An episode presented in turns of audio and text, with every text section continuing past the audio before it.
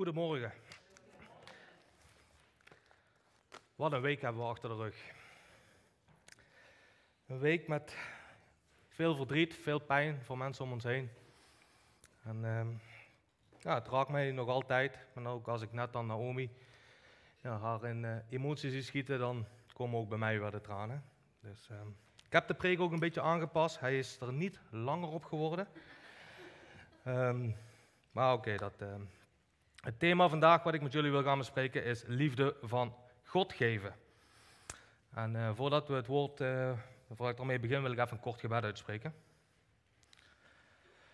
Lieve Hemelse Vader, Heer, we danken u, Heer, voor deze dag.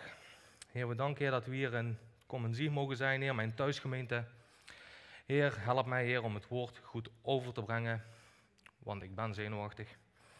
Heer, help mij zo en eh, ja, dat de oren open mogen gaan en dat we deze boodschap ja, mee naar huis mogen nemen en mogen gaan uitpakken. Dat bid ik in Jezus' naam. Amen.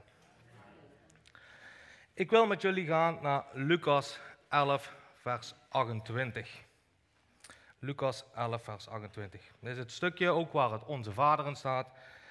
En dan zeggen we dus bij vers 28. Maar hij zei, gelukkiger zijn zij die naar het woord van God luisteren en er naar leven. Er zijn twee woorden waar ik de nadruk hierop wil gaan leggen. Dat is luisteren en leven. En we beginnen met luisteren. En mijn vraag aan jullie is, luisteren wij nog echt naar Gods woord? Nemen wij nog echt de tijd voor Gods woord? Niet van, ik moet wat lezen om te lezen, want dan heb ik mijn... Maar gewoon echt de tijd ervoor nemen. Overdenken wij ook nog echt Gods woord? En bidden wij tot, tot God als we Gods woord hebben gelezen en vragen we Gods geest, de Heilige Geest, om ons te helpen om het woord van God te begrijpen. Luisteren. Maar luisteren wij ook nog vaak naar anderen? Luisteren wij nog überhaupt vandaag de dag? We hebben het vandaag de dag zo druk dat we soms gesprekken voeren zonder te luisteren naar de ander. Als ik maar heb gezegd wat ik wil zeggen. Er zijn ook vandaag de dag zoveel afleidingen wat op ons afkomen. Er komt ontiegelijk veel op jou af via nieuws, media, social media, noem maar op. Maar vandaag de dag is het ook wel eens dat we vaak alleen nog maar willen horen wat we willen horen. En die ga ik herhalen. Vaak willen we ook alleen nog maar horen wat wij willen horen. Of, ik luister niet naar jou, want ik heb een andere kijk op dit thema. Soms horen we ook, ik heb mijn eigen waarheid. Niet willen luisteren. Maar in Lucas 11, vers 28 staat heel duidelijk, maar hij zei, gelukkiger zijn zij die naar het woord van God luisteren en ernaar leven. Luisteren is, is moeilijk. Maar God wil dat we een relatie met hem hebben en daar hoort ook luisteren bij. Hij wil dat we tijd en energie besteden aan een relatie met hem. Maar soms moeten we ook gewoon stil zijn om naar God te luisteren. En als we dan stil zijn, dan, ja, bij mij werkt dat heel vaak. Dan komt er toch wel een bepaald gevoel of een woord. En ja, daar, daar word ik wel weer blij van. Maar aan een relatie moet je altijd blijven werken. En dat is ook een relatie met je partner. Je luistert naar elkaar, je brengt tijd door met elkaar, je leert elkaar beter kennen. En dat geldt ook voor vriendschappen. Daar geldt hetzelfde voor. Als wij naar God gaan luisteren, dan ga je ook Gods liefde voor jou ervaren. En Gods liefde ga je ervaren als je je hart openstelt voor God. Als je erachter komt hoeveel dat God daadwerkelijk om jou geeft. En daardoor gaat jouw hart veranderen. Je hart verandert door de liefde van God. Maar het is wel belangrijk dat je je hart openstelt voor Gods liefde. Ik vond dat in het begin best wel lastig. Van de ene kant wou ik wel, van de andere kant wist ik niet hoe ik ermee om moest gaan. En dat is, ja, hoe moet ik dat zeggen? Als je je hart aan het begin openstelt en je geeft je over aan Gods liefde, dan komt er zo een vloedgolf van liefde naar binnen. Dat is gewoon ongekend. Dat is gewoon echt mooi. Maar ik had twee woorden wat ik met jullie wil gaan behandelen. Tweede woord was leven. Hoe leef jij? Roddelen we af en toe toch nog wel eens? Hoe sta jij in het leven? Hoe sta jij met God in het leven? Alleen op zondag? Of ook op maandag, dinsdag, woensdag en de rest van de week? Of is het zo, zoals we vandaag de dag ook wel eens vaker horen, dat er gezegd wordt: ik richt mijn leven in zoals ik wil. Ik leef mijn leven. Ik moet het goed hebben. Onbewust is het soms het ik-evangelie. Soms leven we ook zo snel dat we vergeten te leven, maar ook te genieten van het leven. Vaak lopen wij in deze wereld niet meer met God, maar lopen allemaal van die, van die populaire hypes na, groepen na. Zijn wij meelopers geworden. Nou, je krijgt van mij twee tips. Luister naar het, het woord van God, dat is de eerste, en leef met Jezus. Geestelijk gezien worden wij in 2021 ook, krijgen we gewoon veel te verduren. Als we zien hoe vaak dat wij als kerken natuurlijk tegenwoordig in het nieuws komen, dan krijgen we gewoon heel veel over ons heen af en toe. Maar onze drijfveer moet liefde zijn. Luisteren en leven met God. We gaan naar Matthäus 25, vers 35 tot 40.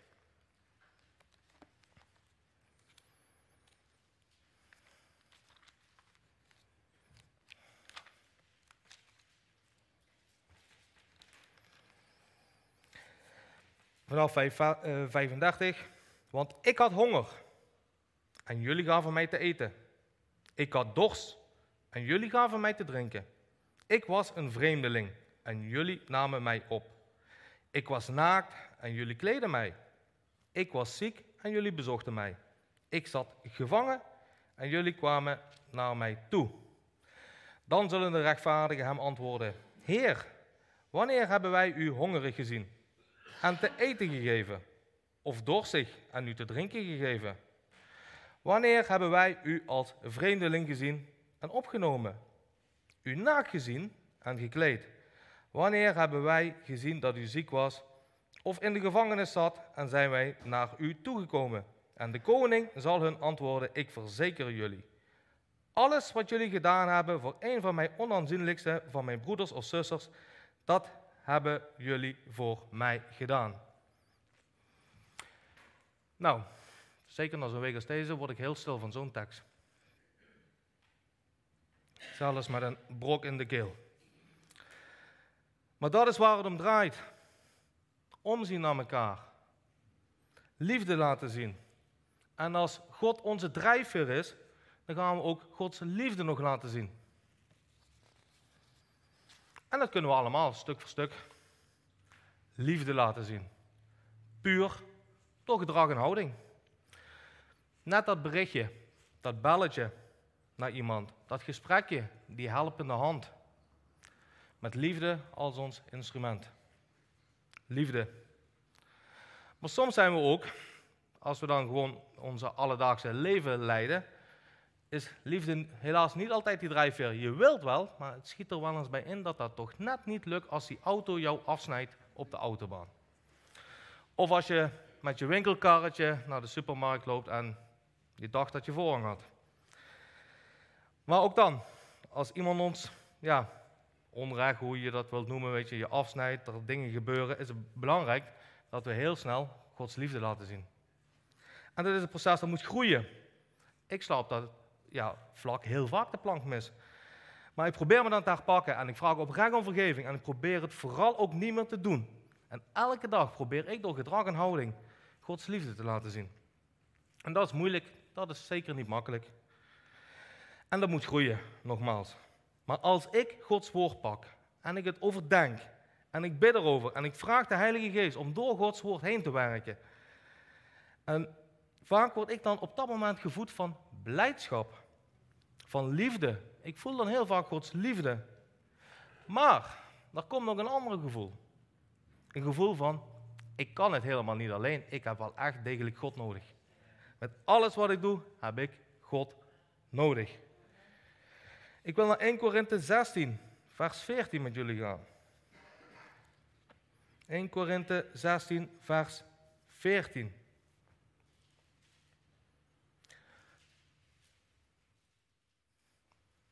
Ja. Alles wat hij doet, moet u met liefde doen. Daar staat alles. Dat is veel. Alles. Hoe gaat dat bij u? Alles vanuit liefde doen. Ik vind dat af en toe wel eens moeilijk. Of af en toe, best vaak. En ook daar hebben we weer dat punt, dat besef van, ik kan het niet alleen. Ik heb God nodig in mijn leven. Ik denk wel eens, hoe kunnen we nu in, in 2021 alles met liefde doen? Het antwoord is eigenlijk simpel, met God. Maar is het makkelijk? Nee, zeker niet. Zeker niet. Maar ik merk ook wel eens, van als we dan vergeten alles vanuit liefde te doen, dat ik ook wel eens excuses zoek. Om mezelf eigenlijk goed te praten. Wat niet goed is natuurlijk. Ik was te moe. Ik had het te druk. Het is zwaar, het was niet leuk. Ik had honger, hopelijk naar Gods woord. Maar er staat duidelijk dat we alles met liefde moeten doen. Alles. En dat is een hoge lat waar ik alleen niet aan kan voldoen. Maar dan gaan we door. Hoe doen we dat dan nu? Ik wil met jullie naar Johannes 15 gaan. Het stukje waar Jezus zegt van ik ben de wijnstok en mijn vader is de wijnbouwer.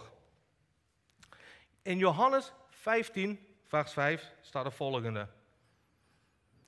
Waar ben je daar? Ik ben de wijnstok en jullie zijn de ranken.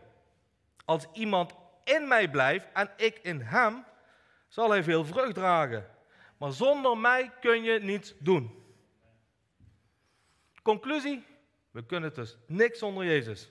We moeten in Jezus blijven. Jezus is de weg. Hij leeft. Hij heeft zijn liefde aan ons laten zien. Door vrijwillig en zonder zonde aan het kruis te gaan. Hij heeft dat vanuit liefde gedaan. Wie in hem blijft, zal veel vrucht dragen, staat in Johannes 15, vers 5. Vrucht dragen, dat is een proces. Dat moet dus groeien. Dat moet verzorgd worden. Je moet gevoed worden door het woord. Je moet een relatie hebben met God de Vader. En als je in Jezus blijft, ga je dus veel vrucht dragen. Wie kent hier de vruchten van de Heilige Geest? Allemaal. Van Gelaten 5, vers 22. Liefde, vreugde, vrede, geduld, vriendelijkheid, ja. Goedheid, geloof, zachtmoedigheid en zelfbeheersing. Wie krijgt hier de hele week een tien voor? Nee, ik ook niet. Ik ook niet. En vaak is het ook zo van, Heer, ik geef u alles. Behalve mijn auto, en mijn televisie, want het is zaterdagavond, en mijn beurs. Een blokkade wat ik bij mijzelf vaak tegenkom, dat ben ik zelf. Dat ben ik zelf. Waarom? Omdat ik vaak de regie zelf in handen wil houden. Waarom? Omdat ik het moeilijk vind om te zeggen, ik laat het los. Het is een proces. En hier moet je in groeien. En het gaat niet snel. Het is letterlijk stapje voor stapje. Vaak is het ook nog zo, van in zo'n proces van in Jezus blijven, dat we het ook vaak nog moeilijk vinden als iemand een andere mening heeft. Ook dan laten we niet altijd de liefde als eerste instrument zien. Ik heb bijvoorbeeld een vriend die beleeft het geloof op een hele andere manier dan mij. En door daar met, met elkaar in liefde over te praten, dan kom je vaak tot elkaar toe. Maar als je dus eigenlijk zonder dit instrument van liefde dat gesprek al ingaat, voordat je het weet, oordeel je misschien onbewust wat je niet eens wil. Of ga je al met een bepaald gevoel dat gesprek in. Maar door net met elkaar in dat gesprek te blijven en door dat vanuit liefde te zien, en, je, en zeker pak het woord erbij en praat met elkaar erover, dan kom je al een stuk verder. Want ook dat is liefde. We gaan naar Johannes 3, vers 16. Een hele bekende en een hele mooie. Johannes 3, vers 16. God had de wereld zo lief dat hij zijn enige zoon heeft gegeven, opdat ieder die, hem, die in hem gelooft niet verloren gaat, maar eeuwig leven heeft. Dit is de boodschap. Dit is de boodschap. We kunnen anders denken. We kunnen ons geloof anders beleven. Sommigen die voelen God door alles heen. Door alles wat ze doen, voelen ze God heen. De anderen ervaren het iets meer een beetje ingetogen en voelen God niet door alles heen. Dat wil niet zeggen dat God de ene meer lief heeft dan de ander. Want God houdt van ons allemaal. We doen er allemaal toe voor God. En blijf alsjeblieft bidden. En blijf ook onderzoeken. En blijf ook waakzaam. En gebruik de Bijbel. Want we gaan naar 2 Timotheus 3, vers 16 en 17.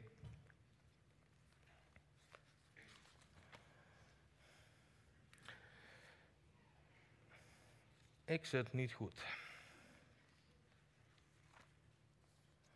Ja, nu wel. 2 Timotheus 3, vers 16 en 17. Elke schrifttekst is door God geïnspireerd en kan gebruikt worden om onderricht te geven, om dwalingen en fouten te weerleggen en om op te voeden tot een deugzaam leven. Zodat een dienaar van God voor zijn taak berekend is en voor elk goed doel volledig is toegerust. Hoppa. Via zijn woord worden wij dus toegerust. Vraag de Heilige Geest er alsjeblieft ook voor hulp bij. Vraag hem om je duidelijk te maken hoe je dit allemaal handen en voeten moet gaan geven. Maar blijf wel dicht bij het woord van God. Blijf er dichtbij. Lees het, overdenk het, toets alles. God wil namelijk dat we toegerust worden. Vanuit liefde. Hij wil dat we stand houden in deze mooie wereld. Nu is mijn vraag aan jullie. Met welke bril kijken wij naar de wereld? Kijken wij met een bril van liefde naar de wereld? En bid, bid vooral veel. Vooral voor de verschrikkelijke situatie. Van allemaal verschrikkelijke dingen wat gebeuren. En luister en leef met God. Zoals ik aan het begin zei, van Lucas 11, vers 28. Laat Gods liefde aan de wereld zien. Ik wil naar 1 Korinthe 13 gaan met jullie. 1 Korinthe 13, vers 13.